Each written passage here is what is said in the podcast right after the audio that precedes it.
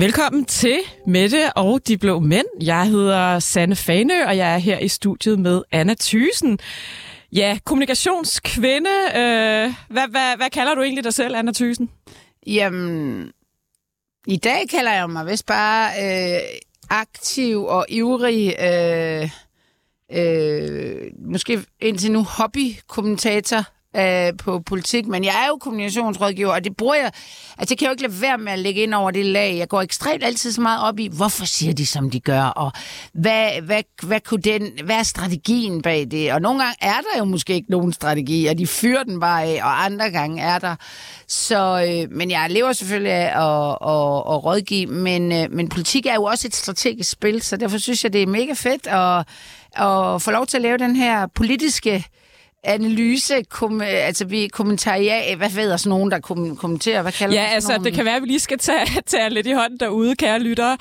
Øh, jeg, jeg hedder Sanne Fanø, jeg har været debatredaktør i mange år på BT, og jeg har faktisk også været vært her på 24-7 på, på reporterne, men så har jeg også været politisk redaktør inde på Christiansborg på, på Søndagsavisen, den hedgangende avis, og så har jeg ja, bes, beskæftiget mig simpelthen med politik professionelt i over, over 12 år. Og vi er altså de nye værter på Mette, og de blå mænd. Vi kommer til at relancere det her øh, koncept til at være Anna og mig, der sidder og kommenterer på de vigtigste politiske historier i løbet af ugen. Øhm, og så har vi en lille, øh, lidt mere kulørt afdeling af programmet, der hedder Personale Nyt. Og øh, det kommer til at være en... Øh, ja, vi kommer til at fungere som, simpelthen som, som politiske kommentatorer, og i dag er det bare os. Indimellem vil vi have gæster med, måske et par husvenner af programmet.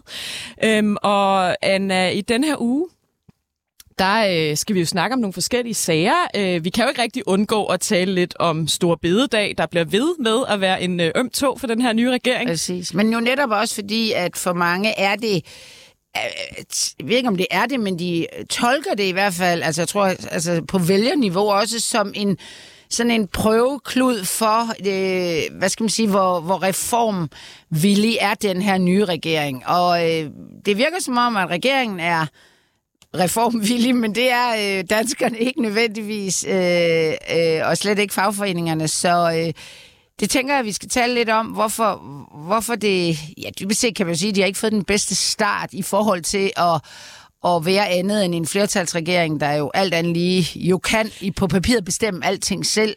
Det vi kommer til at nørde rigtig meget ned i dag, Anna Thysen øh, og, og mig, det er jo øh, Mette Frederiksen, tog jo et opgør med nødvendighedens politik, da hun overtog efter Torning. Måske er den tilbage. Det, det, det, dykker vi ned i senere. Så skal vi selvfølgelig også tale lidt om, at øh, der er et regeringsseminar lige nu. Øh, den her regering skal ryste sammen. Kan den det efter så mange års nid og nag og problemer og hets mod hinanden? Nogle, og der er jo nogle øh, greb i værktøjskassen, Altså, det er jo alt fra sådan noget, øh, at der kommer nogen øh, terapeuter nærmest, eller psykologer, eller alt muligt, og coacher dem.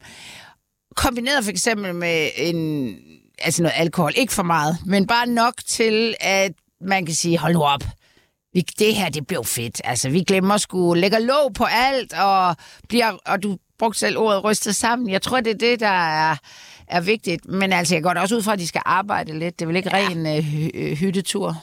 Ej, det plejer jo at være sådan, at, der, at man taler om, man, man laver måske sådan lidt en arbejdspapir, og man, der kommer nogen ud og holder nogle oplæg, og ja. man taler om, hvad, hvad, hvad, hvad skal den her regering beskæftige sig med det næste stykke tid? Og så kommer der selvfølgelig noget socialt også. Men jeg tror, det, som jeg kan se, øh, der står ikke så meget om det, det er jo ikke sådan noget, ligesom, et, altså, ligesom når radikale holder øh, et eller andet møde, hvor der så kommer tre andre øh, Ej, det er et internt Det er fuldstændig ja. internt. Jeg tror heller ikke, de kommer til at stå øh, og tale til øh, redder fra TV2. Der kommer, vist et, øh, der kommer et pressemøde, ja, ja. hvor de vil tale om den her inflationspakke, de er i gang ja. med at forhandle i øjeblikket. Ja. Så skal vi selvfølgelig også runde Samsam-sagen, Anna, der er her fredag. Og ja, der hører det som podcast, øh, der er det jo afgjort, men grænskningsudvalget mødes i Folketinget i dag, og det ser simpelthen ud som om, der er et flertal for en forundersøgelse. Sagen er kommet tilbage til debat igen i den her uge, fordi to tidligere departementchefer har sagt, at, øh, at de mener, der skal være en kommissionsundersøgelse, noget som regeringen ikke ønsker, men det gør resten af Folketinget. Så skal vi jo også, øh, Anna Måle, øh, eller hvad hedder det, forbi, at der har været et stort øh, besøg i Ukraine. De, ja, ja. de tre regeringsledere ja, har været nede og besøge Zelensky. Vi skal tale om målinger, og til sidst, så har, har vi det vi. lidt mere kulørte hjørne, som hedder personale nyt. som vi, som vi håber, vi kan altså, ligesom have med hver gang. Det kan Ja. ja. være, vi må strække den lidt, men plejer der ikke at være et par personsager eller to? Man Det kan tænker jeg. i? I dag skal vi for eksempel øh, runde, øh, at Vinnie Gråsbøl, mm. tidligere øh, socialdemokratisk profil gennem mange år, har meldt sig ud af Socialdemokratiet, tidligere borgmester på Bornholm. Vi skal også runde, at Inger Støjberg har fået skæld ud for at have sin hund rendende lø, løs rundt i Ja, og nu er, der, det er sådan, nu er der regler for alle, som, altså de kender ikke de der regler, hvor man, altså man laver nogle regler også i et firma, som egentlig er, handler om en person, der gør noget. Jo, nogle gange indfører man for eksempel en alkoholpolitik på en arbejdsplads, fordi der er en, der drikker for meget. Ikke? Jo. Så, øh, så det dykker vi lidt ned i. Jeg vil ønske, at vi havde skiller og alt muligt andet klar, for så vil jeg sætte en på nu, men øh, det har vi altså først til næste uge. Øh, vi er helt nye værter på det her program, Anna Thysen. Så vi starter lidt dogmeragtigt, Ja, men jeg det tænker lidt også, råt. det er en god strategi i forhold til at få folk med os. Så kan vi altid mm, switch, øh, komme glasur på, yeah. og lys og balloner og alt muligt. Her i første øh, sending, der er det simpelthen Sand og jeg, der fyrer den af på bedste politiske vis. Jeg håber, I vil lytte med. Bange, lange, lange, lang, og der skulle så komme en skiller der. Godt. Anna, skal vi ikke begynde med både at snakke stor bededag, men også gå ind i det her med nødvendighedens politik, der måske jo. er tilbage for den her regering. I går, der første behandlede de altså det her lovforslag om at droppe stor bededag. Og der er altså en del partier uden omkring regeringen, jeg mener det er de otte øh, partier på nær lige de radikale, der ønsker, at man udskyder beslutningen til næste valg. Mm. Skal vi tale lidt om, hvorfor er det blevet sådan en kæmpe stinker? Altså er vi ikke tilbage, Anna Thyssen, til dengang Helle Thorning stod med betalingsringen? Er vi ikke ved at, at nå samme sådan højder af, af, at man starter ud på en kæmpe stinker som ny regering? Hvad tænker du? Jo, jo, jo, jo, det kan man sige, men, men stadigvæk er, hvad skal man sige, konfliktniveauet eller kriseniveauet i Danmark jo højere end dengang. Øh, Det var lige efter finanskrisen. Ja, ja, ja, men det var stadigvæk penge, og, og, og der manglede, altså det var jo det samme, altså der mangler arbejdsudbud, det er et af de problemer, vi har. Men hele den her, altså ko, ko, på, øh, post-corona og Ukraine, inflation, en verdensorden, øh, orden, der er anderledes, øh, gør jo nok, at, at, at, der, at, at selv Mette Frederiksen øh, vil i hvert fald påstå, sammen med flankeret de to andre regeringsledere, nu har vi en nødvendighed. Altså tit, sidst var, var, det, var det ikke nødvendigt nok, men det er det nu. Og så kan man jo sige, hun kan jo også bruge, altså hun har været der i tre et halvt år, hvor hun har klaret alle de her kriser på trods og stået der som, øh, som, øh, som øh, ene, enevældig regeringsleder og kørt landet igennem med selvfølgelig skiftende flertal, og det kan man, hun jo bruge nu. Altså, det er jo ikke, fordi hun selv har kunne køre noget som helst igennem, de er jo flere om det. Så jeg tror da nok, at, at, at, at man, man kan også høre på dem, at de siger, at det er noget pjat. De siger simpelthen, at det her, det kan især Lykke er ude og, og sige, at danskerne har simpelthen ikke forståelse for, hvor alvorligt det er. Sådan hørte jeg det ikke dengang med Torning. Nej, men det er jo, nu, jeg har jo et forberedt en lille citat-quiz til Anna Thysen, øh, fordi øh, jeg, jeg bider meget mærke i, at den retorik, som regeringen bruger lige nu, minder meget om den, som Helle Thorning og Corridon brugte. Det var det faktisk øh, sjovt nok. Jeg mener faktisk, det var Peter Hummelgaard, den nuværende justitsminister, der dømte det nødvendighedens politik. Mm. Fordi at og, og, og Corridon har jo selv været ude at sige, den tidligere finansminister under Thorning, jeg brugte aldrig selv ordet nødvendighedens politik, og det er ikke sådan set korrekt nok, men han brugte ofte ordet nødvendigt, og det Ja. gjorde Helle Thorning mm. også. Det var jo blandt andet, da de skulle, øh, ja, de lavede en masse reformer, der kom en dagpengereform, der var meget upopulær, øh, man satte selskabsskatten ned, samtidig med, at man hævede nogle, øh, noget kontanthjælp for unge under øh, 30, som, øh, ikke var, som var uddannelsesparate. Øh, og, og det slår mig lidt, Anna, at der, der kan måske faktisk tage, drages en parallel her. Altså, man tager et gode fra befolkningen. Sidst var det, man nedsat kontanthjælpen. Samtidig med, at man laver skattelettelser. Og jeg ved bare, at Mette Frederiksen var rigtig vred dengang over, at da hun som beskæftigelsesminister fik pålagt af Torning og skulle, øh, hvad hedder det, da, da hun begyndte at skulle skære i nogle, noget kontanthjælp, der var det, man samtidig indførte nogle skattelettelser i selskabs, nogle sænkelser i mm. selskabsskatten. Og det Ja. ved jeg, hun dengang var meget fortørnet over. Mm. Og nu gør man jo lidt det samme. Altså, man, man, man, man sænker faktisk skatten, øh, og så samtidig tager man et gode fra folk, altså stor bededag. Øh, men jeg har altså... Øh, hvad hedder det, Anna Thyssen, øh, forberedt Nu, nogle... nu, ja. ja. nu, du er det her jo news commentary. Yes. Yes. Og du er, nyheds, du er både nyhedsjournalist ja. og politisk journalist. Ja.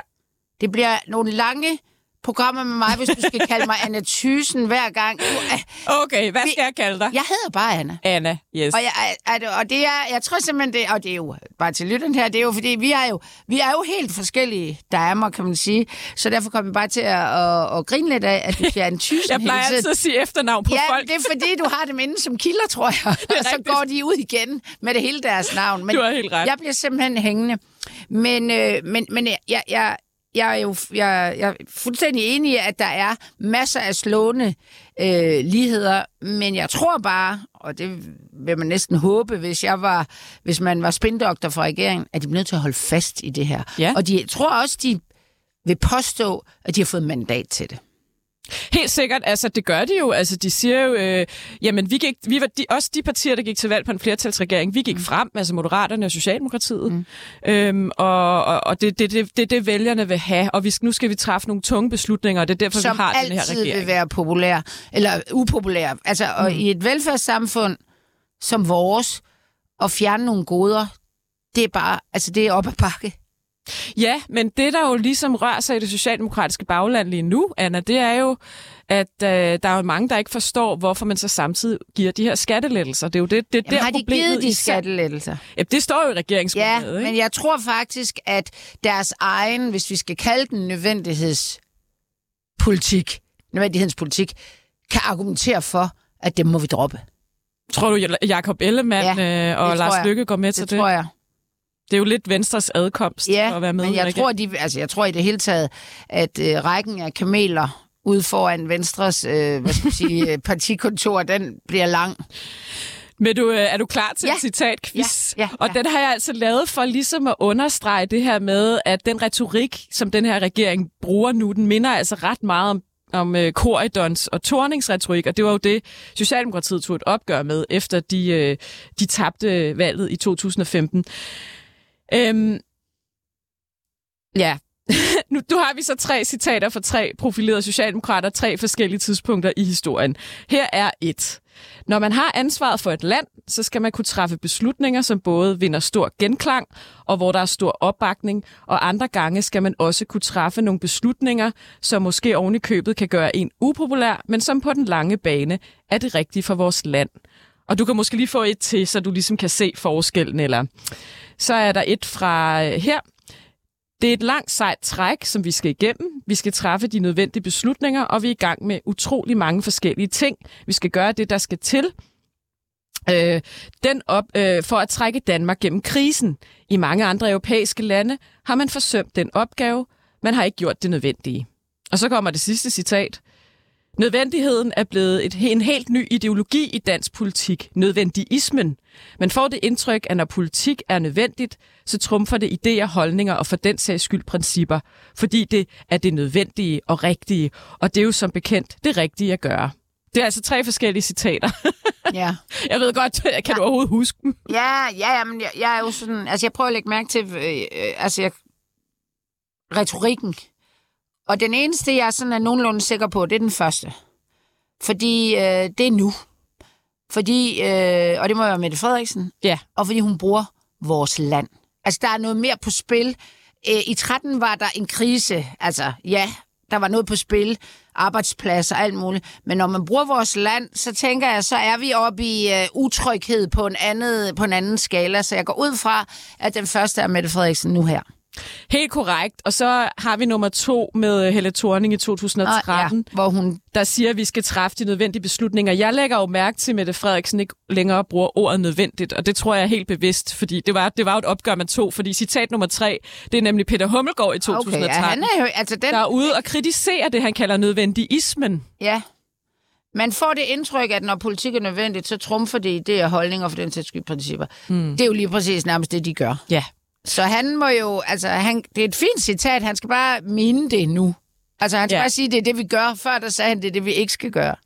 Og grunden til, at jeg har taget det med, de her tre citater, det er jo egentlig for at sige, at der er vel ikke noget galt i, uh, hvad tænker du, at, at træffe beslutninger, som er nødvendige i en krise. Det er vel mere det der med, at regeringen måske og mangler også en mere ideologisk fortælling. Altså sidst der havde man jo Arne og alt muligt andet. Ja, man, man kan jo sige, altså, man kan, jo, man kan jo sige, at langt de fleste af oppositionspartierne, i hvert fald til højre jo, og sikkert også nogle af dem til venstre, de er jo faktisk enige i, at vi skal skaffe nogle penge.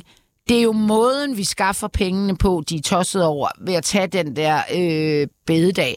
Så selv enhedslisten går jo ud lidt mærkeligt retorisk greb og siger, her, vi har gået sammen med al, hele oppositionen på blå og rød, og her er pengene, dem, de, de samme penge kan vi skaffe for noget rådighedsrum. Vi skriver, vi, vi er endda med på det forslag, selvom vi mener, at pengene ikke skal gå til forsvaret. Enhedslisten er jo ikke tilhænger af, et, af, af sådan en slags forsvar, som, som, øh, som regeringen vil have, og det meste af Folketinget, højrefløjen vil i hvert fald også. Så, så det siger noget om, at det her, det går ikke så meget på, at vi ikke, vil at vi ikke skal bruge pengene, men det går på, at de finder dem de forkerte steder. Men omvendt vil jeg så sige, det er jo det er vel det, vi normalt ser i sådan øh, øh forhandlingen. Altså, ja, vi har et problem, vi skal have løst, men hvor finder vi pengene? De røde vil finde dem der, de blå vil finde dem der, men det hele, det politiske landskab er fucked. Altså, det er det ikke. Det er mudder i forhold til, hvad vi plejer. Ja, og jeg har, jeg har så flere gange tænkt, jeg har faktisk også spurgt lidt forskellige kilder i, i Socialdemokratiet, så jeg har så spurgt, hvorfor bakker I ikke bare på den store bededag? Helle Thorning gjorde det også med betalingsringen. Og svaret er jo lidt, at de kan ikke allerede på første altså store sag bakke, fordi de kommer til at træffe flere upopulære beslutninger, og de kan ikke komme ud som regering og, og, og allerede droppe en, en, en, en, så blevet en så symbolsk ting. Nej, og de har jo et, et altså det jeg hører som, øh, det er ikke sloganet, men det de sådan mener, det er, prøv at høre venner, hvis I ikke kan finde ud af at sige ja til det her lille bitte, bitte, bitte, bitte indgreb, så har vi et problem. Mm. Fordi ellers så, altså det er jo nærmest sådan lidt dommedags. Altså hvis ikke I siger ja til det her, så, så får vi så store problemer. Fordi så kommer vi jo ikke til at kunne komme igennem med noget. Så de gør jo det, jeg synes, der er retorisk sådan rigtigt. Det er jo at bruge modstanden mod den her bededag til at sige, det er faktisk det, der beviser, at vi skal gøre noget alvorligt. Fordi folk vil ikke. Og nu på søndag bliver jo sådan, jeg, har, jeg så lige, altså det med Anne Linnet og Tessa. Ja, der er en kæmpe det er demonstration. Kæmpe, det er, hvad det er, Blå Mand, der møder, møder øh, Grøn Koncert øh, ja. på søndag. Og hvis vejret er med, så må, så må vi jo se, hvor mange der egentlig gider at træske ud for at protestere mod, undskyld, altså noget som for de fleste, der, der, der er i det, hvad skal jeg sige, segment, sådan lidt storbyagtigt. Altså den der skide bededag, ikke? hvor nu skal vi også se, hvad det er for nogle mennesker, der kommer. Om det er timelønnet, der reelt kan mærke forskellen, fordi hvis de går på arbejde store bededag, så mister de jo nogle hundsko tillæg. Øhm, eller om det er sådan nogle, øh, hvad skal vi sige, øh, funktionære typer, øh, som, som får den samme løn uanset hvad. Men altså, det handler vel også om, at vi, vi, vi har nogle tendenser i samfundet lige præcis nu, hvor folk ar- gerne vil arbejde mindre, og så mod arbejder det her, hele den her arbejdsudbudssnak jo fuldstændig, hvor i hvert fald den lidt yngre del af befolkningen befinder sig i øjeblikket. Ja, de ønsker jo ikke at arbejde mere. De vil jo gerne arbejde mindre ja. eller anderledes. Og... Men, men der mangler vi jo det var jo sådan, hvor i gamle dage, som var for et år siden eller to, der ville de radikale jo være kommet ud og sagt, Måske kunne de sige, altså det nytter jo ikke noget. Vi sidder alle sammen og, og tuder og råber og skriger over manglen på pædagoger, manglen på sygeplejersker, manglen på socioassistenter, mangel på mangel på mangel på arbejdskraft, bare inden for den offentlige sektor. Folk er så ligeglade med, at det private også mangler. Det er deres eget problem. Og det står jo skærende kontrast til, at folk ikke vil arbejde. Præcis. Og jeg tror også, vi, vi er ved at nærme os et problem, og nu bliver jeg måske lige lovende nørdet her, men hvis du kigger på alt det her med konkurrencestaten og arbejdsudbud, så har vi jo skabt et samfund, hvor vi er afhængige af konstant at skulle udvide arbejdsudbuddet for at ja. kunne finansiere vores velfærdsstat, ja. fordi demografien ændrer sig, ja. der bliver flere ældre, og vi lever længere og alt det her. Og det er jo faktisk, der, jeg tror, der er mange, der glemmer det, fordi mange ja. tænker, det er sådan en borgerlig ting, det der med arbejdsudbud. Ja. Det er faktisk oprindeligt en meget, meget socialdemokratisk demokratisk Ja, tanke, og det er da også derfor, de- Altså, da vi fik kvinderne ud på arbejdsmarkedet, ja. det handlede sgu ikke om ligestilling. Nej. Det handlede om, at øh, vi skulle have flere ud på arbejdsmarkedet, så vi kunne finansiere en siger- meget, meget stor velfærdsstat. Tyskerne siger jo selv, at det er et af deres store problemer, fordi øh, arbejdsretten hos kvinder er så lav. Mm. At de mangler det arbejdsudbud, og gad vide, hvorfor der sidder 3 millioner tyrkere i Tyskland og har gjort i mange, mange år. Det er jo fordi, man ikke kan skaffe det her arbejdsudbud selv. Og, og det tror jeg simpelthen, at den regering holder fast i. Fordi at, at, at hvis men, man men, men, taler men på- vi om kommer de- ud i, hvis vi har nogle yngre generationer, som er meget mindre øh, establishment, som, som, som øh, ikke ønsker at arbejde så meget osv., så, så kommer vi ud i en situation, hvor borgerne jo de kommer til at føle sig som et redskab til at skaffe skattekroner ja. i kassen, så man kan udvide råderummet, så der kan blive delt gaver ud ved hvert folketingsvalg. Præcis. Og det, det kan være, at vi på et tidspunkt når et punkt, hvor man som borger tænker, jeg er ikke til for statens skyld på en eller anden måde. Ja, men det er... Og det er, en, det er farligt, altså, ja, det kan, tror jeg. Ja, for men, men det er også et, et brud med den solidariske tankegang bag velfærdsstaten. Nu hørte jeg. Ja. en ganske glimrende podcast øh, over øh, hos Mette Østergaard på Bergenske med øh, Nina Schmidt. Øh, Som er økonomiprofessor, ja, ja. og tidligere overvismand. Yes. Og formand for det, der hedder øh, en af de her reformkommissioner, hvor de skal kigge på noget helt specifikt. Og Vincent Hendricks fra Filosofen, som jo er ret enige om, at at det der en-til-en-princip, at hvis jeg øh, mister øh, noget, så skal jeg have noget andet. Mm. Eller det er det her, jeg betaler i skat. Hvad får jeg for det? Mm. Og det bygger velfærdsstaten faktisk ikke på. Den bygger jo på, og det er jo, er der nogen... At du faktisk får skier mere, end du Ja. får, i hvert fald hvis Og der- du er vellønnet. Præcis, og det er jo en af Mette Frederiksen. Det er i hvert fald noget, jeg husker hende for. Øh, mere end de andre, sådan, altså, mås- måske også mere end Helle thorning Schmidt, det er, at det er de bredeste skuldre, der skal løfte. Og det, det er- virker lidt som om, at den dag i, i samfundsfag, der pirkede de unge. Altså, den, der, har, der var de ikke til stede, fordi det, det virker lidt som om, det har ikke rigtig noget med dem at gøre. Det Og kan de være, at de ikke synes- føler, det har noget med dem at gøre. Ja, men, men jeg bliver jo nødt til at sige, som øh, nu er jeg jo også mega gammel og sådan noget, men der er jo, altså vi bliver simpelthen nødt til at forstå, at, at, at, at, at for eksempel skattelettelser er der åbenbart ingen empiri for, at det får folk til at arbejde mere. Så, så, og det kan også være, at regeringen når frem til det. Så den der måde, vi har, Ikke 200, nødvendigvis i vi har fald. 250.000 mennesker uden for arbejdsmarkedet. 200.000 voksne og 50.000 unge, som vi på en eller anden måde skal have gjort op med, om de nærmest... Altså, det er simpelthen dyre at prøve at få dem i arbejde. øh, altså, at enten så skal vi droppe nogle af dem og sige, prøv Nu høre. nedlægger vi i hvert fald jobcentrene, så Ja, de er i hvert jeg ved fald, ikke, hvem det er, der skal få dem i arbejde nu nej, men jeg, jeg tror, vi, vi, vi... Altså, jeg tror så heller ikke, at det bliver... Altså, det er den der, hvad hedder det, sådan øh, slikkepind, vi kan løbe efter. Det er de 250.000. De 250.000 kan jo heller ikke bare løse meget komplicerede opgaver ude i industrien. Og, altså, men, men vi Nej, bliver jo og, nødt og så er der jo også måske øh, det her med, at, at, at, at der er en vis mæthings, med, mæthedsgrad i samfund for, for, hvor mange der kan arbejde. Der er bare altid en, en gruppe, der på en eller anden måde har svært ved at være på arbejdsmarkedet. Og så er, der- er der jo også snak om, at vi skal til at have udenlandsk øh, arbejdskraft ind, og det er der faktisk også ret mange partier, der er villige til. Men det er ikke noget, der er særlig populært at sige højt. Nej, men hvis jeg var ung eller yngre, og ikke ville arbejde ret meget, så ville jeg da synes, det var en fantastisk idé. Så ville min logiske slutning der være, at hvis ikke jeg vil arbejde ret meget, så skal, så skal der være nogle flere, der ikke arbejder ret meget. Kan du følge mig? Mm. Altså, det, det, det er jo, en, det er jo, jeg vil ikke sige, det er sim, simpel matematik, men det er i hvert fald et eller andet, som, som jeg også synes, at, at partierne, altså, og som jeg også synes, at Folketinget på en eller anden måde kunne mande sig lidt op og sige, ja, vi har et problem. Vi har så bare forskellige måder at tilgå det, og vi løste det på. Det er jo klart, at enhedslisten vil jo ikke løse det som... Nej, altså der er jo også, nu, der er jo også den mulighed, at man kan sætte skatten op.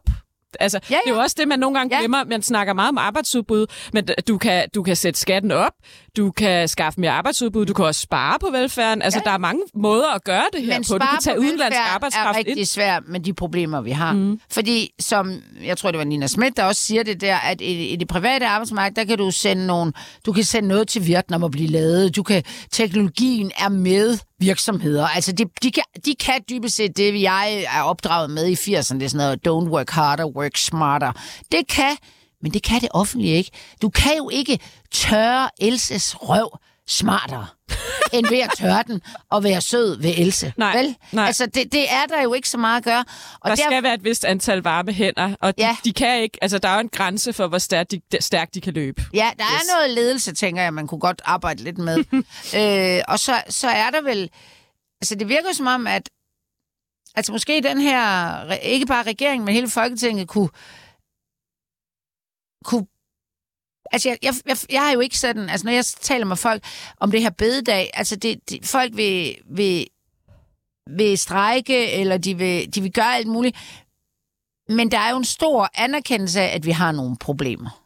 Altså, ja. ikke? Så, Men så, øh, hvis vi skal nå nogle flere Ja, emner, så så, tænker vi jeg, at vi skal videre. videre. Og nu mangler vi igen en skiller. Ja. Jeg tænker bare lige, at jeg kort vil nævne, at Lars Løkke Rasmussen altså har været ude og, og mane til mere krisebevidsthed hos danskerne. Han mener, at den her modstand mod bededag bevidner om, at vi ikke helt forstår endnu, hvilken krise vi står i. Og der er det bare, jeg igen må sige, jeg tror, at den her regering har brug for en større fortælling, en krise ja. Og nødvendighed. Jeg tror, de bliver nødt til også at have en ideologisk fortælling. Og det er jo svært, når man er tre så forskellige partier. Men jeg tænker, at nu har de regeringsseminarie der. Jeg håber at for dem, at det måske er noget af det, de vil vende. Fordi Ja, de, træng, det her de velfærd- trænger også til at forklare danskerne, hvorfor Ja. at de er der, ud over at de skal lave nogle nødvendige reformer, som i virkeligheden i bund og grund er ret upopulære.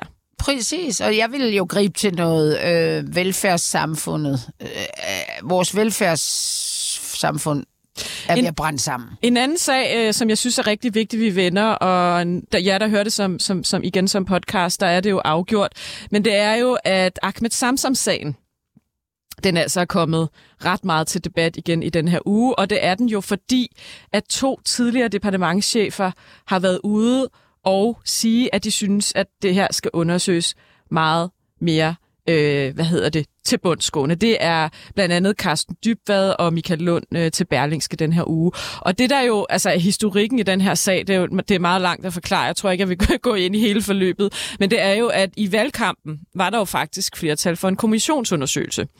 Og så er det jo så, at man øh, i regeringsgrundlaget lige pludselig har droppet den her kommissionsundersøgelse. Og det er der jo rigtig mange partier, som er øh, irriteret over. Og justitsminister, den nye justitsminister Peter Hummelgaard var jo så ude den her uge og sige, at der er nogle ting, øh, man ikke kan lægge frem, og, øh, som, som offentligheden ikke rigtig ved i den her sag. Og øh, der er mange spekulationer, og man kan altså ikke bare nedsætte øh, undersøgelseskommissioner, fordi der er nogen, der spekulerer. Altså Ahmed Samsam blev dømt for terror i Spanien i øh, 2018, og øh, både Berlingske, faktisk også 24 og hvad hedder det, DR har jo ret klare øh, kilder på, at han var agent for PT. Ja. Øh, og det, der så er i det, det er, at der er sket et eller andet, hvor øh, de danske myndigheder åbenbart ikke har hjulpet ham, øh, da han blev dømt ned i Spanien for at tage ned til, til islamisk stat i Syrien øh, ved flere lejligheder. Det der så er, det er, at fredag der mødes denne her, det her grænsningsudvalg så i Folketinget og skal vurdere, om de vil lave det, der hedder en forundersøgelse. Og det behøver der faktisk ikke at være flertal for. Så selvom at regeringen er imod det, så kan der faktisk godt laves sådan en forundersøgelse. Anna, hvad fanden øh, tænker du om hele den her sag? Altså, regeringen inden valget vil gerne øh, undersøge det, i hvert fald åbne op for det. Nu er de helt lukket, lukket i, og det virker heller ikke som om hverken Lykke eller Ellemann er specielt øh, interesseret i at undersøge den lige pludselig, efter de er kommet i regering. Hvad, hvad tror du, der er sket? Altså? Ja, altså vi husker jo, at øh, det var jo det, der var med til at tage livet af Pape nærmest, da de stod der med solen i øjnene og talte om FE-skandalen, og lige pludselig så blev præsenteret for den her samsam, som de slet ikke kunne svare på. Og så siden har øjnene jo bare vildet på den her sag, og der har været alt muligt. Jamen, den er jo, jeg synes, den er sådan en rimelig klassisk story. Jeg, det var ikke, jeg tænker ikke, at den er den måde. Altså, de, de vil ikke, og de, de har kun én, et argument, det er, at øh, vi skal ikke begynde at, at pille ved det her og offentliggøre ting i, i den her branche. Det, det der kommer der ikke noget godt ud af. Hvorimod kritikerne, altså de tidligere departementchefer og gamle, hvad som sådan nogle PET-chefer, siger, at det er lige præcis omvendt, at hvis ikke vi kommer til bunds i det her, så vil det rette ubodelig skade på, øh, på efterretningstjenesten i Danmark, fordi man, vi synes, de er lallende amatører, der er ikke nogen, der vil være med til at, at De er bange arbejde for at kunne rekruttere agenter Præcis, fremover præcis, simpelthen. ja. Ikke? Ja. Og det, det er det, den står på, og, og det jeg sådan tænker, når man også sådan hører, også, øh, det er jo lidt, at, at, at hvad har, altså, er der sket, har, har, har agenten gjort noget, så selvom han var Præcis, Anna. rekrutteret Det er præcis det, jeg af, tænker. af, af, af, af, af, af efterretningstjenesten, så han gjort noget. Altså, om det er det, altså jeg ved ikke, det virker sådan mere uorganiseret, men det er vel det, Det er vi det, der er James spekulation. Bond kalder dobbelt. Det kunne være alt for sådan noget dobbelt, Yes. til, eller til bare, undskyld, jeg Og igen, det er en spekulation, skal det lige understreges. Men det er Men- jo at rave til sig, eller sådan noget. Det kunne bare være sådan noget privat vinding, kunne det jo være. Det behøver ikke Det at være. altså, du, du rammer lige præcis hovedet på sømmet. Det er præcis det samme, jeg tænker. Og jeg har faktisk overvejet, om vi skal have Simon Andersen, som jo faktisk har været med til at afsløre alt det her, forbi ja. vores studie. Ja. En af de her øh, gange, hvor vi laver Ja, middag. for den er ikke færdig, Det spørgsmål, der står og blinker Ja. ja. i horisonten, er, hvorfor hjalp de danske myndigheder ikke Ja. ja. øh, Samsam, da, han, da retssagen ja. kører i Spanien? Ja. Og det, der jo så bliver spekuleret i, og jeg skal virkelig understrege, det er spekulationer, det er, har han både været agent samtidig med, at man har et eller andet andet på ham, der gør, at de danske myndigheder ikke har lyst til at hjælpe ham. Det er jo og det, vi som ikke også gør i dag, at man ikke har lyst til at gøre, eller offentliggøre. Ja. Fordi der kan komme nogle ting frem om, hvordan undskyld, jeg siger det, de her, øh, altså ikke bare agenter, men hvordan vi bliver modarbejdet, ikke nødvendigvis af vores egne agenter, men i det hele taget kampen mod terror. Det er i hvert fald det eneste, jeg sådan, for ellers så virker Ja, det fordi jo som det er jo vildt, banalt. altså, Altså, det- ja, det- vi har lavet en fejl eller et eller andet. Ja, altså det er ham, svært ikke? at forestille sig, at man med vilje Ja. ja. ikke hjælper ham. Ja. Fordi man har jo på et eller andet tidspunkt truffet en bevidst beslutning. der Ja, det er jo ikke bare sådan, åh, det glemte vi lige. Nej, fordi, der- det så vidt jeg der. så har de spanske myndigheder faktisk taget kontakt til de danske. Mm. Så der har jo siddet nogen og træffet, truffet et bevidst valg om ikke at hjælpe ham. Og der kan jeg jo ikke lade være med at spekulere i igen, om det er fordi, der ligger et eller andet andet i den sag, som offentligheden ikke må ja, kende ja, til. altså, det må jeg sige, det har jeg tænkt fra day one. Ja. Øh, fordi hvis Spanien, det er det, ikke det lyder jo som om Spanierne kom, altså, er jo virkelig og siger, her er en kæmpe terrorist-ting, eller øh, en eller anden dude med forbindelse til IS. Her er vi helt oppe, og det er jo kæmpe aktion, da de får fat i ham. Og så gør Danmark ingenting. Og øh, hvis det nu var en, uh, en fin agent, der fik penge hver måned, så havde de vel sagt, hey, han arbejder sgu for os. Ja, men- men, lige at tage en chiller, ikke? Men det sker jo ikke, vel? Nej, og, men det der er underligt, det er, så vidt jeg har forstået på, på både DR og Berlingske, så er der ikke noget i den spanske dom, der ikke er, er noget PET har kendt. Altså, det handler jo bare om, at han har rejst derned. Og det, Ja, ja, og det var jo nogle rejser, han havde aftalt med Ja, PT. ja. Så det, det, der- det, det, der, det, det, det, han er ikke dømt for noget i Spanien, som, de, som, som er kompromitterende for ham Nej. i forbindelse med Nej, den nej. danske efterretningstjeneste. Men, men, men, øh, men, men vi ved jo ikke en skid om det. Nej. Men hvis det, ikke, hvis det er en fejl, så kan man selvfølgelig sige, så har man en, en åbenlys interesse i, at det ikke kommer frem. Og der er siddet en minister, der har vidst noget. Det er vel Pape, der sad på det tidspunkt. Mm. Det var det, ja. Øhm, og det kan man jo godt sige, det er jo sådan den mere primitive version, at det egentlig er bare er, at man ikke har lyst til, at det kommer frem, at man har lavet en eller anden kæmpe fejl, og nu kan han så sidde der og rådne op. Det er jo den Det, det er jo også en mulighed. og det andet er, at, der, at der, de efterretningstjenesten ved noget om, hvad der skete, som vi ikke skal vide. Ja. N- Normalervejse. At det skal vi bare ikke som befolkning. Yes. Det, det, det tror jeg, det er de to versioner, der er. Og nu må vi jo se, ikke? Og øh, jeg tænker nu, det kan godt være, der kommer den her forundersøgelse, som, som der åbenbart er et flertal for i det der grænsningsudvalg. Men det er altså ikke det samme, som der kommer en kommissionsundersøgelse. Nej, nej. Og det tror jeg, så længe vi har den her flertalsregering, så ser det ud til, at det kommer ikke til at ske. Så Nej. spørgsmålet er, Anna, om vi nogensinde får kastet lys over, hvad, hvad der egentlig er sket i den sag. Nej, men jeg tænker, tænker du ikke, at det er... Det er, øh, det er øh, sådan er det med de her efterretningssager. De er, det er sjældent, og selvom vi får en eller anden form for sandhed, så er det nok en version af sandheden, ikke? Vi skal meget kort nævne, og det når vi simpelthen ikke i dag. Der har været et øh, besøg i Ukraine. Mette Frederiksen, Lars Lykke og Og altså, Jakob vi kan Ellemann lige- har besøgt Zelensky i? Mykolaiv. Jo, men det var bare, fordi vi, også, vi skal også nå Ja, ja, ja. hurtigt at snakke målinger og personale nyt. Præcis, men jeg Øhm. tænker også, at Der har været besøg, og det er, det er simpelthen de tre regeringsledere, der har Ja. været nede i Mykolaiv, som er en by, Danmark øh, har tænkt sig at hjælpe med at genopbygge efter. Forhåbentlig efter den her, når den her krig siden. slutter. Ja. Ja. Hvad tænker du om det signal, man sender, når man tager ned af tre Sjovt, mand høj og besøger Zelensky? sjovt, du bruger ordet signal. Altså, for det er vel det, det handler om. Ja. Ikke? Altså, jeg tænker ikke, at der er brug for alle tre dernede. Der er jo masser, altså, der er jo et kæmpe... Altså, jeg tænker ikke, de dernede tænker, det er godt nok, hold da op, der kommer tre. Eller også gør de, hvor tit kommer der tre regeringsledere fra et land. Øh, Det er jo ikke bare tre ministre, det er tre ministre og tre regeringsledere. Så jeg tænker, at lige det her, det er great photo opportunity til at vise danskerne, vi er i krise. Mm. Det her, det er tæt på dig, kære dansker. Det er lige hernede i Ukraine, og vi står her, og vi vil hjælpe. Underforstået, vi vil også hjælpe jer, vores borgere. Og prøv at høre, vi er fuldstændig enige om alt, os tre. Ja, plus at Zelensky jo bad om en masse materiel, som koster rigtig mange penge, og det skal vel også understrege, hvorfor vi har behov for at afskaffe den her store bededag. Ja. Vi skal simpelthen, Præcis, vi har sendt utrolig mange milliarder til Ukraine, vi kommer til at skulle sende flere. Nu tager vi der ned, Zelensky står og beder om de her penge, det kommer på mm. tv. Det er jo for at understrege, hvorfor vi har Hvor brug for Præcis. de her reformer lige nu, fordi vi Ja. blandt andet skal hjælpe Ukraine, Ja. tænker jeg. Og den her udskrivning i, øh, i, i forsvaret, det tror jeg også er, at danskere, mange danskere er sådan øh, lidt, nå, er, er det ikke bare sådan noget, der foregår? Det er det jo ikke. Altså, vi har jo et, et forsvar, der ikke har fået penge i mange år, ikke som nu. Altså, Og det er faktisk sjovt, du nævner det, fordi TV2 øh, her fredag er jo øh, i besiddelse af et notat, der er lægget fra Forsvarsministeriet, hvor øh, man i ministeriet vurderer, at man skal bruge 87 milliarder til nye primære kapaciteter, som det hedder. Alt muligt materiel. Blandt andet nogle missiler, der skal have rækkevidde til Rusland. men hvorfra? Enormt interessant. Men hvorfra? Danmark, tror jeg. Enormt interessant. Hvordan, står der fra Nu Danmark? skal jeg lige se, hvad der står her. Øh, åh, Anna, så skal jeg jo finde det i den her Ja, lange meget. Det kunne bare godt Krydser, være... krydsermissiler, der kan nå Rusland, er nævnt i Ja. subtitlen. ja, ja, men det kunne jo være fra Ukraine.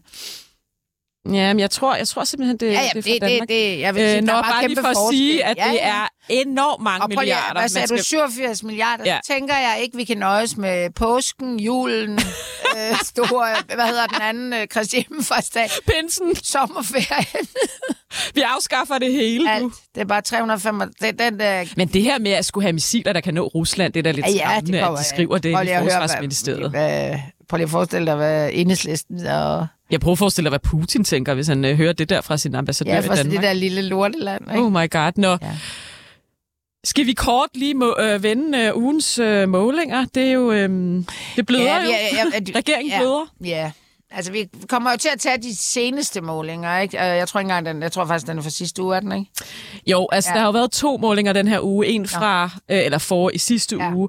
Øh, I løbet af ugen vil jeg faktisk sige. Den ene er megafon, og den anden er voksmeter. Nu har jeg bare lige megafon her. Det er den, der, hvor, hvor regeringen bløder allermest. Men øh, der er Venstre altså gået øh, 4,5 procentpoint og syv mandater tilbage fra valgdatoen. 8,8 procent ligger de på. Socialdemokratiet er gået fra 27,5 til 21,7 procent. Og Moderaterne er gået fra 9,3 til 7,7. Altså, regeringen har simpelthen mistet sit flertal i den her måling. Ja, det og det er den dårligste måling for Socialdemokratiet i mange, mange, mange år, og selvfølgelig også for, for Venstre. Mm. Øhm, tror du, øhm, der er en risiko for, at den her utilfredshed med regeringen sætter sig fast, eller tror du mere, at det her, det, det skal jo lige siges, det er en enkelt måling, det er ikke et vægtet gennemsnit af alt det her. Eller tror du, det er mere et øjebliksbillede? Hvad tænker du? Øhm, jeg tænker i hvert fald, at når de nu har sat sig på den her reformpolitik, så skal de snart komme med noget, som giver danskerne øh, altså løsningen på nogle problemer, som er mere nære end krigen i Ukraine. Altså hospital, psykiatri, øhm, Uddannelse arbejdspladser, til uddannelse, ja. Meget, ja. Så ellers så tænker jeg, at det godt kan blive et, øh, et permanent problem. Men, og det er noget, jeg sådan har hæftet mig lidt ved, at de partier af de tre, der bløder mest, det er jo det er, dem med, det er Socialdemokraterne, og det er Venstre. Ja. Ja. Det er dem med bagland. Lykke, han øh, sejler lidt rundt. Han har jo ikke noget bagland, der, der sådan kan blive rigtig sur. Han er dybest set nok også den, der har sagt alt det her Han fra er starten. jo også mere eller mindre det parti, ikke? Jo, jo, og, Ja. ja. han, jo, jo, og han er jo også, altså, det er jo, han har jo sagt reform fra starten, og der er noget galt i Danmark, og vi løser det på noget forsamlingshusmanér. Så det bagland, der måtte være, som jo bare er hans vælgere, de er vel sådan nogenlunde. De, han- så dem, der har skrevet, det er sådan nogen, der bare troede, han var mere venstre, end han var moderat måske. Men det er typisk det her bagland, der, der brokker sig rigtig, rigtig meget. Og det er jo faktisk første gang, vi rigtig ser det socialdemokratiske Ja. bagland offentligt gå ud og kritisere. Vi så det ved Ja. det her øh, nytårsstævne, som, Ja. som partiet afholdt i Fredericia sidste weekend, at der faktisk var stemmer, der var ude være, s- erklære, at der er folk, der er begyndt at melde sig ud i vores kredse. Øh, Ja. Folk er sure over det med bededag, de er sure over det med skattelettelser. Øh, så Men det er også et problem, at en socialdemokratisk ledet regering, kan vi vel godt... Altså, er, Ja, det er går ud og tager så store sværslag med det, vi jo vil kalde... Altså, det arbejderklassen. Ja, fagbevægelsen. Ja, som ja. jo er, repræsenterer det mest socialdemokratiske, du har. Og, øh, og det, det kan godt undre, at man fik det fældet ned på papir og ud og tænke, og ikke, der ikke var nogen, der tænkte, får vi ikke, altså det er overenskomstforhandlinger, det er kæmpe inflation, folk, øh, altså det koster kassen at gå ud og købe ind, og altså det, det, det, det virker sgu lidt off, at det lige er den kamp, de har valgt. Jeg tror, jeg tror, de har undervurderet, ja. Hvor, hvor, hvor meget det vil Ja. vokse, det her. Ja. Altså, de har tænkt, at det er bare en enkelt dag. Der ligger så mange helligdage i foråret. Ja, jeg tror også, at de har, de spek- har spekuleret i den der en til en. Prøv at se, venner. I, vi mister en lille åndssvag feriedag, der er der er nogen, der bliver kompenseret, men til gengæld får vi sikkerhed. Jeg tror simpelthen ikke, at folk er med på den kobling. Jeg tror, jeg tror ikke, jeg tror faktisk, Lykke har ret i det med danskernes ja. Krisebevidsthed. Ja. Jeg tror, nu er du og jeg jo været igennem, øh, altså jeg er omkring de 40, nu ved jeg faktisk ikke, hvor gammel Jeg du er er. lige fyldt over 50. Ja, øh, vi har jo i vores liv ja, været igennem, altså jeg, har, jeg kan faktisk huske den kolde krig. Mm. Altså jeg kan huske ja. 9-11, Ja, ja. jeg kan huske finanskrisen. Øhm, jeg synes også, vi står i en kæmpe krise lige nu, men det er jo ikke, fordi vi ikke har været igennem kriser før. Der har vi jo ikke fjernet helligdage, du Nej, ved. nej. Så jeg tror også bare, altså det, jeg tror, Lars Lykke faktisk har lidt ret i, at vores krisebevidsthed ikke er så høj som regeringens. Nej. Og, og, Og det er jo og deres... folk gider måske heller ikke blive ved med at høre om krise. Nej, og vi går jo også, øh, altså Mette og de blå mænd, Ja. som vi øh, er jo, har, jo, har jo videreført øh, Socialdemokraternes for de sidste tre et halvt år, den her øh, corona-frygt-retorik. Folk er trætte af det, Ja, tror jeg. jeg Folk, tror simpelthen- og jeg tror også, nu kan du se, det, det kunne vi måske lige vende til sidst med målingerne, inden vi skal til personalnyt, det er jo, at hvilke partier går frem. Det gør Liberal Alliance, og det gør SF. Og nu ved jeg ikke, om SF er specielt fremskridtshåbsagtige, men Liberal Alliance er jo et parti, der slår sig op på en positiv, optimistisk fremtidsvision. Og jeg tror måske, Venstre skal passe rigtig meget på, at der ikke siver for mange derovre, ja. Ja. fordi folk, folk vil gerne høre på håb og fremskridt mm. og optimisme. De er trætte af alt det her dystopiske snak, tror ja. Jeg. Ja, og jeg tror simpelthen ikke, at, øh, at Liberale Alliance og deres vælgere har specielt meget øh, imod, at, at den der store bededag røg. Nej. Det er måden, det bliver øh, kommunikeret på, og det er måske også den sådan lidt lette måde at gøre det på. Altså svips med fingrene, så knips med fingrene, så ryger den der.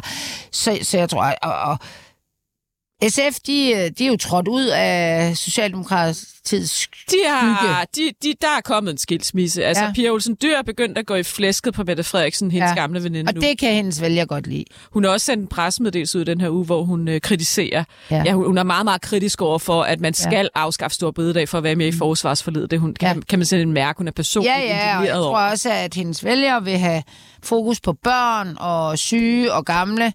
Øh, og det, har, det her øh, bededagshalløj har intet med det at gøre. Det var en god afslutning på den snak om målinger, synes jeg, fordi nu skal vi til lyt jingle.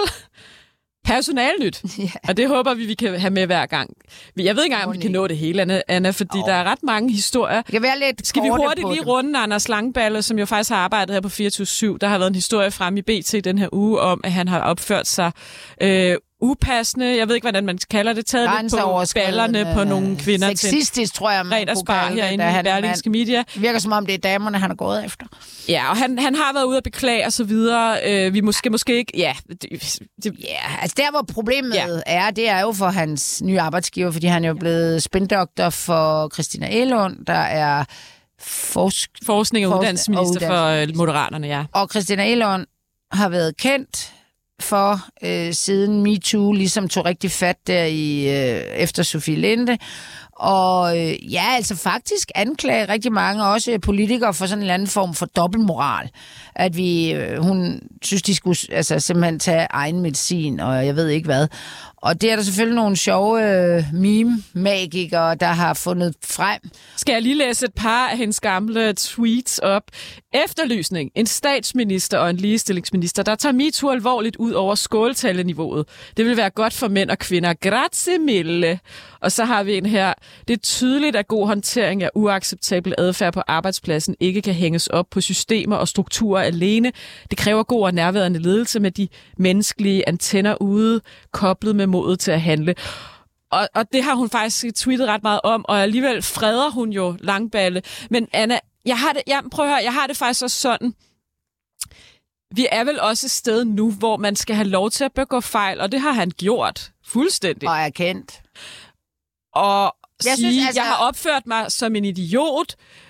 Nu tilgiver, nu tilgiver vi og kommer videre i et andet arbejde. Det, er vel, det skal man vel også kunne? Ja, altså, jeg kunne ikke rigtig se andre veje. Altså, det var simpelthen være, være fuldstændig øh, mærkeligt at bare stride ham ud. Hun, øh, hun svarer jo, at øh, de har haft nogle samtaler. Han er erkendt. Han har sagt undskyld. Han... Øh, han, og det, det tager hun simpelthen for god varer. Mm. Øh, hun siger jo egentlig ikke, hun har tilgivet ham. Man forestiller sig faktisk, at hun har sagt til ham sådan noget med, øh, det er fair, men nu skal du simpelthen øh, opføre dig ordentligt. Ellers så, øh, så kan jeg ikke, så kan jeg ikke øh, køre den her stil videre. Og det går hun så ud og siger, og lukker den jo egentlig ret pænt øh, i forhold til sig selv, kan man sige. Og det er jo det, jeg i det her program, jeg synes, vi, øh, vi går mest op i, det er, hvordan politikeren takler det. Øh, Langballe... Øh, Ja, det er jo ikke rigtig Han- vores sag. nej. Det eneste, jeg vil sige om det, det er, at jeg tror sådan set godt, at de kan lukke den nu, medmindre der kommer mere frem. Medmindre Præcis. det er et mønster, medmindre det er noget, man har Ja. set på andre arbejdspladser Ja. osv. Hvis ikke der gør det, så tror jeg sådan set godt, de kan komme videre. Men, Men der skal ikke det- komme flere sager. Nej, og hvis Langballe vil andet end at, end at være behind the scenes, så, skal han, så kom, bliver det et problem, hvis han skal ud og... Altså, hvis han vil være sådan mere offentlig, så skal han deal med det igen, tror jeg. Men så længe han... Spindoktorer er jo ikke dem, vi ser mest, og man kan sige, altså Elon er jo ikke en af de vigtigste ministre, hvor man sådan hører hende hele tiden. Så, men øh, jeg tror, at det er sådan lidt under radaren for begge nu, og, øh, og så må man jo håbe for Elund, at der ikke kommer en eller anden kæmpe sexisme-sag i hende. fra TV2 eller et eller andet. Ja, eller under hendes, du ved, ja. for, på et eller andet universitet eller sådan noget, fordi så vil man jo kræve, at, at hun jo, selv vil man jo gå ud fra, at hun ikke bare kan sidde og sige, hvad de skal gøre, så må de jo, så, så lav profil, og så tror jeg, den går. Så er der lidt mere personale nyt, og det er jo, at øh, den meget mangeårige borgmester på Bornholm, Vinnie Gråsbøl, socialdemokrat... Altså, Er hun ikke sådan borgmester darling? Jo, og, og, og jeg vil nærmest sige, et, et form for SKFA, i hvert fald mm. i det kommunale bagland, har ja. også været øh, en af dem, der virkelig har stået i front på at skabe folkemødet på ja. Bornholm og så videre. Og i det hele taget Øhm, for Bornholm sådan på, på, landkortet, på ja. den fede måde. Ja. Ikke, ikke Et- sådan, altså, det er som om øh, Bornholm er lykkedes med sådan at gå lidt udenom det der udkants Danmark. Mm. Altså, det, Det er blevet et lækkert sted, Ja, ikke? ja. For os københavner. Ja. Vi kan komme over og rekreere lidt Ja, og ja, spise, men de- spise gourmetmad og tage på Melsted Badehotel og alle de her ting, ikke? Hun Nå, har simpelthen meldt sig ud af partiet Ja, det har hun. Og med på den, grund af udlændingepolitikken. Ja, som jeg, altså ikke snart 10 år på Jo. banen eller sådan noget. Jeg tænker, hvad er det lige konkret, der er sket på udlæ... Altså det der skide... Det var åbenbart ikke et problem, da hun var borgmester. Nej. Altså siger hun også, hun er blevet direktør i øh, Friluftsrådet. ja. Og der har hun faktisk behov for at være apolitisk, hvilket er sådan lidt mærkeligt, hvis du har været socialdemokrat og borgmester. Du har dybest set nok også fået det job på grund af dine politiske forbindelser. Men nu har du så... Hun har i hvert fald behov for ikke at udtrykke, øh, hvad skal man sige, øh, opbakning til Socialdemokratiet mere. Jeg synes egentlig... Jeg synes, det er, altså, det er en lidt fæsen udmelding at komme med.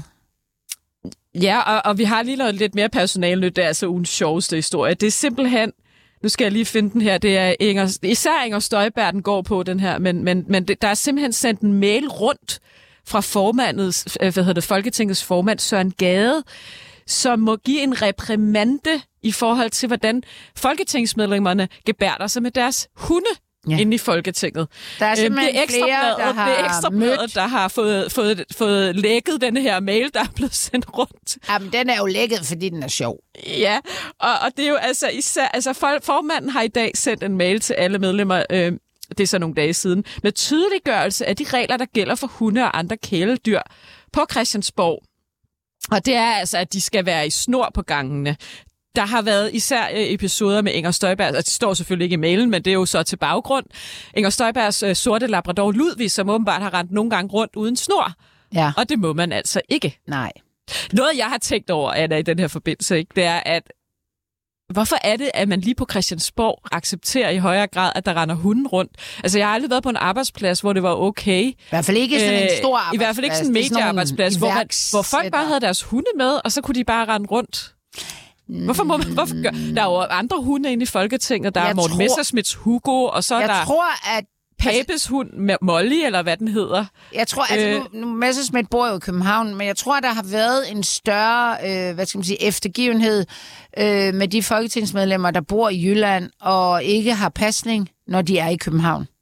Ah, Det tror jeg simpelthen, at så har man... Og det der øh, Ludvig har jo så formastet sig til ikke at... Altså, der står jo dybest set, I må godt have hund. Den skal være inde på kontoret. I skal lukke døren. Og den skal dybest set ligge i en kurv og holde sin kæft.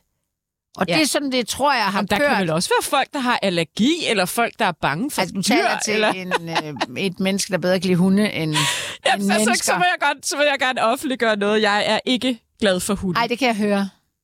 Jeg, jeg bryder mig ikke om, hvis der render hunde rundt. Nej. Det, det bryder jeg mig simpelthen ikke om. Men Jeg derfor bange er for det jo også, at nu har... Det er jo ligesom i skolen, at nu er Inger Støjberg ved at ødelægge det for de andre, der har deres små øh, hunde liggende under tæppe nærmest, og de ikke laver ballade. Så, øh, så jeg tror, det handler om, at Inger Støjberg, hun skal lige få lidt mere styr på Ludvig. Det er jo også en lidt større hund, øh, som hun har nok lidt svært ved at gemme væk. Men, øh, Vil, I høre, er- vil du høre, hvad hun har udtalt? Ja, det har Øh, jeg faktisk slet ikke set. Fordi Ekstrabladet har selvfølgelig prøvet at få en kommentar fra Inger Støjberg.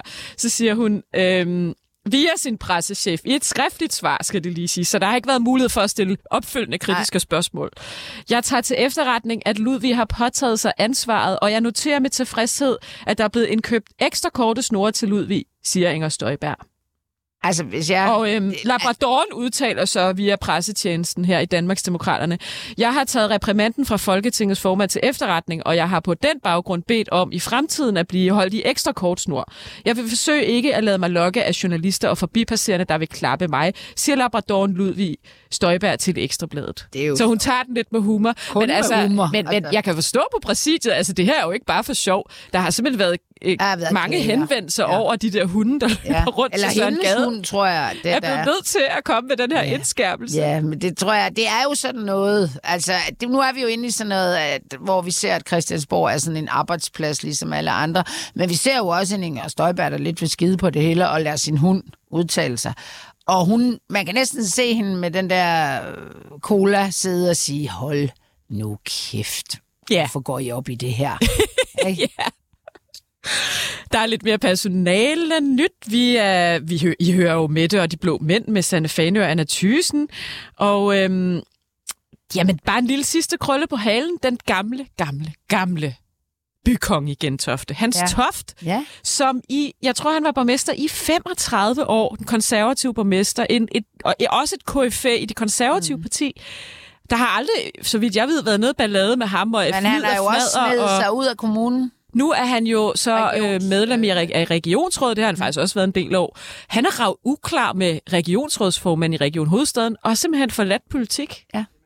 Ja, det var, altså, det, jeg tror, han, altså, jeg, jeg tænker nogle gange, de der øh, aktive kommunale politikere, eller aktive folketingspolitikere, når de sådan går på retirement, så er der regionsrådet og EU.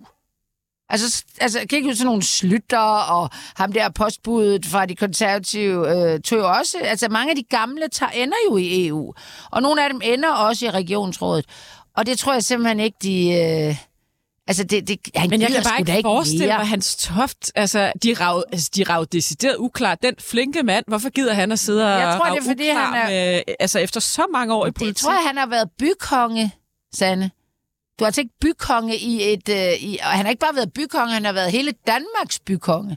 Og det er altså ikke det samme som at sidde inde i, øh, i et eller andet røvsygt øh, regionsråd. Vi skal til at slutte.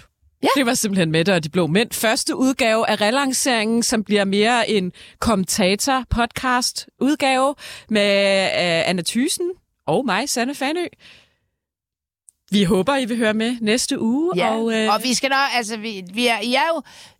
Ja, der mangler skiller, der mangler lidt af hvert. Så I, vi skal vi strammer lige lidt Der er op, og vi håber, I har hygget jer. Og der er nyheder nu. Tak fordi I lyttede med.